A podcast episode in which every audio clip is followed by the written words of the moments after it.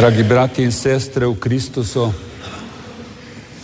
včasih so imeli navado, da so pred pridigo zmolili molitev k svetemu duhu, da bi razsvetlil najprej pridigarja, pa tudi poslušalce, da bi razsvetljeni po tem duhu globlje doumeli Božjo besedo, si vtisnili v srce in jo potem kar najbolje posredovali in oznanjali tudi drugim. Prosimo ga tudi mi za to razsvetljenje. Današnje evangelije je nadaljevanje evangelija prejšnje nedelje, ko nam je predstavil Jezusa v shodnici. Poslušalci so bili ob tem tako prevzeti, ker jim je govoril kakor tisti, ki ima oblast in ne kakor pismuk in farizeji. Po tem nastopu v shodnici je šel Jezus z nekaj apostoli v Petrovo hišo. V tej Markovi pripovedi izstopajo tri podrobnosti. Prva, Jezus, prva je Jezusova ljubezen do bolnih. Jezus je ozdravil Petrovo taščo, ki je tresla mrzlica, potem pa še mnogo takih, ki so trpeli za raznimi boleznimi. Izgnal je tudi mnogo hudih duhov. Tudi današnji človek trpi od raznih bolezni.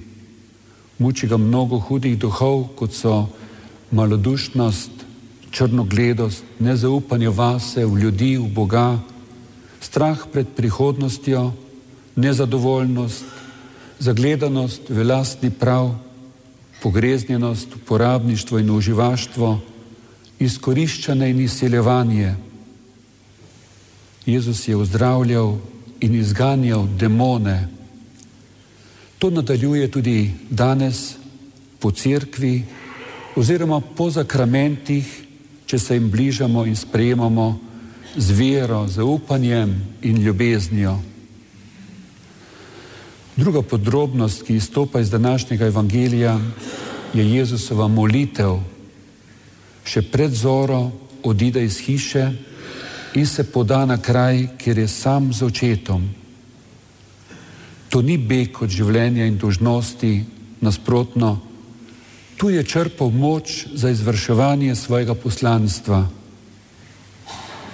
In tretja podrobnost je v njegovi skrbi za oznanjevanje evangelija. Apostoli, ki so ga šli iskati, so mu rekli: Vsi te iščejo.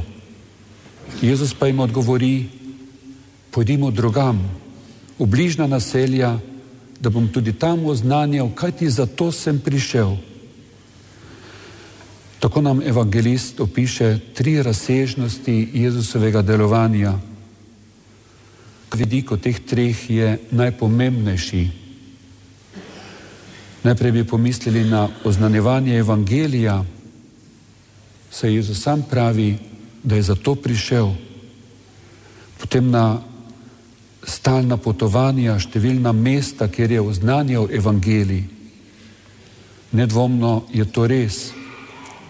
Zato je Jezus tudi prišel. Stalno je ponavljal, da ga je oče poslal oznanjati njegovo besedo. Pravi, da je prišel, da bi bil luč v svetu. Vendar te dejavnosti ne bi mogli razumeti, Če bi jo ločili od trenutkov molitve, ko je bil sam z očetom, koliko krat je noč prebedel v molitvi, tu je dobival moč za nadaljevanje svojega poslanstva. Prav tako pa tudi ne bi mogli razumeti Jezusovega oznanevanja evangelija, če bi ga ločili od njegovega izkazovanja ljubezni vsem potrebnim ljudem, posebno še telesno in duševno bolnim. Poseben čut je imel do bolnikov, do odrinjenih na rob družbe. Bolezen so v Jezusovem času smatrali za božjo kazen, zato se je treba takih izogibati.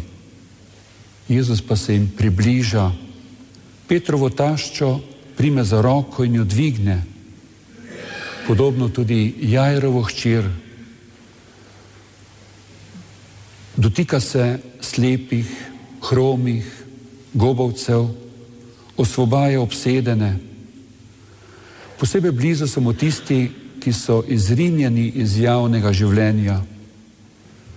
To velja za tisti čas, ko je živel v Palestini, kakor tudi za vso zgodovino in tudi za naš čas. Med te osebe spadajo tudi naši brati in sestre z motnjo v duševnem razvoju. Še danes so odrinjeni. Sodobna družba jim celo odreka pravico do življenja. Dogaja se, da materam svetujejo ali celo zahtevajo, da prekinejo nosečnost, če predvidevajo, da bo otrok prizadet. Tako se je žal oblikovalo tudi javno mnenje. Ko sem mladim postavil provokativno vprašanje, kdaj pa je splav dovoljen, sem večkrat dobil odgovor, če je v nevarnosti, da bo otrok prizadet. V veri in luči pa te, te osebe, ki so večni otroci, dobivajo zagotovilo, da so Jezusu posebej blizu. Še več, po njih, po lučkah, kot pravimo tem osebam z drugačnimi potrebami v tem gibanju, nam Jezus posebej zgovorno oznanja o vrednosti človeka in tistih vrednotah, ki jih večkrat pogrešamo v sodobni družbi in tudi med kristijani.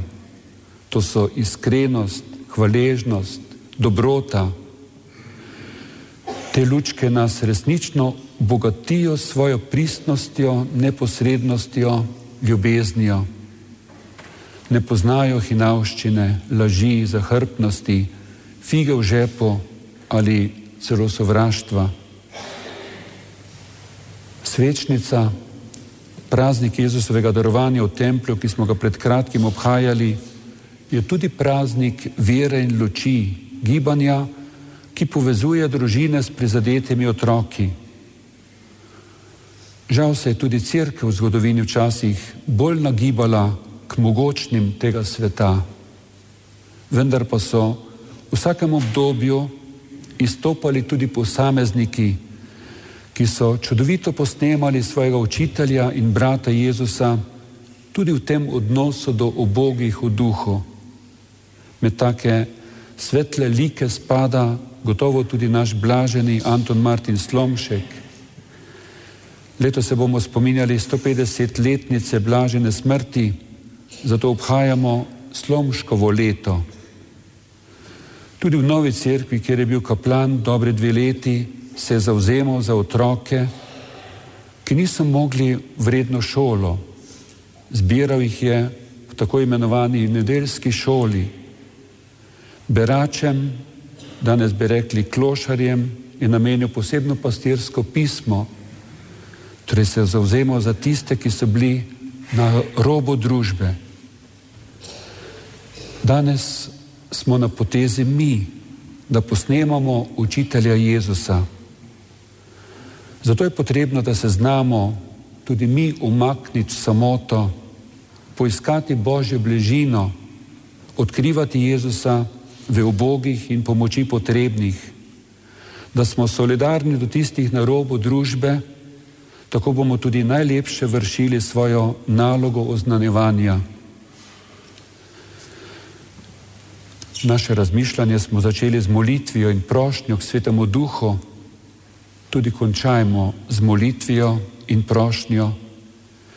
Bog, Sveti Duh, skrivnostna Božja navzočnost v nas, ti nas razsvetljuj in vodi, usmerjaj naše misli, okrepi našo voljo in nam daj moči, da prinesemo v ta naš svet več luči in toplote.